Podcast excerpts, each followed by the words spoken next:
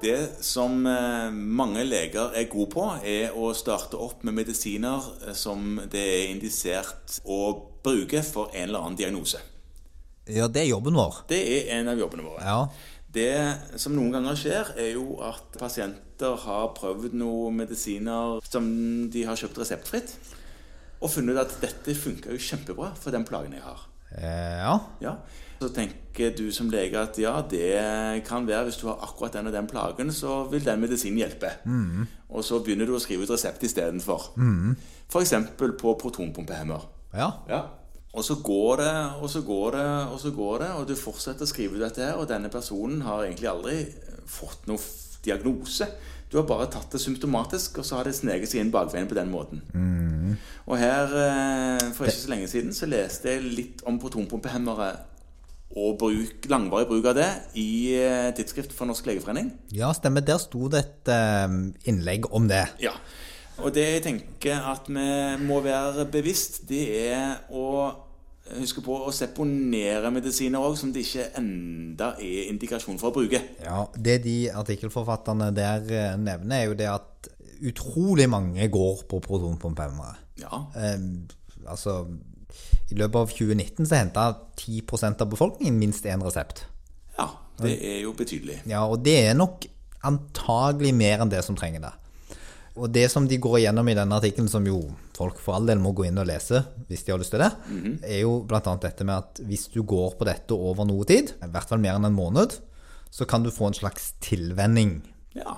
Det vil si at du får en slags sånn oppregulering, og når du da slutter, så får du da mer symptomer. Det er jo en ting som eh, man kanskje ikke var veldig bevisst tidligere. Nei, ofte ikke tenkt på det. Nei. Eh, og det betyr jo blant annet at som med alle andre ting, da, at når du da får en sånn type tilvenning, så må du antageligvis trappe ned dosen gradvis. Så hvis de har spist 40 mg om dagen, så må du kanskje trappe det ned i ett eller to trinn, da. Ikke sant? For at de ikke skal få tilbake igjen symptomene. Fordi at da kan man gjøre den feilen som man gjør med andre ting. Vi er jo godt kjent med dette for sovemedisiner, f.eks. Ja, ja. At når de slutter, så får de tilbakefall av symptomene, og så tenker man at det er et uttrykk for at sykdommen fortsatt er til stede, Mhm. mens det kanskje egentlig bare er bortfall av medisinen du behandler. Ja. Så eh, egentlig så er dette bare en påminnelse om å vurdere indikasjon for langvarig bruk av medisiner.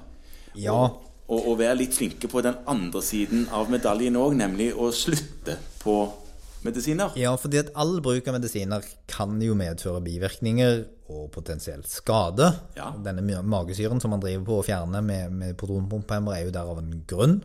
Ja. Beskytter oss mot masse ting. Ja. Og derfor så er det sånn at ingen bør bruke medisiner både av økonomiske og av medisinske årsaker. Ingen bør bruke medisiner som de egentlig ikke har bruk for.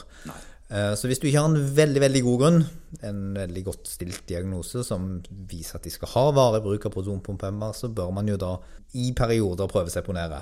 Ja. Og jeg merker jo med meg sjøl at det der er vanskelig, og blir pasientene gamle nok, så har de har det balla på seg en del eh, medisinbruk av gammel vane, og det er jo spesielt uheldig for de eldre, hvor polifarmasi er en, eh, en tilleggsbelastning. Ja, så da minner vi på at når du da har inne noen på en eller annen kontroll, og går gjennom denne her medisinlisten, se på den med et litt sånn kritisk skråblikk og stille spørsmålet er det egentlig god indikasjon for alle disse medisinene. Og eventuelt prøve seg på nær. Ja, og er det mer enn fire, er det ikke det? På listen så kan du ta en egen takst for medisingjennomgang. 2LD, eller hva det heter. To ganger i året. Da kan du ta taksten, og da kan du ha litt ekstra god samvittighet hvis du har tenkt grundig gjennom om indikasjonen er til stede, og gjort et aktivt forsøk på å ta bort medisiner som du kanskje ikke tenker det er indikasjon for. Nettopp og vurdert eh, interaksjoner og den typen ting.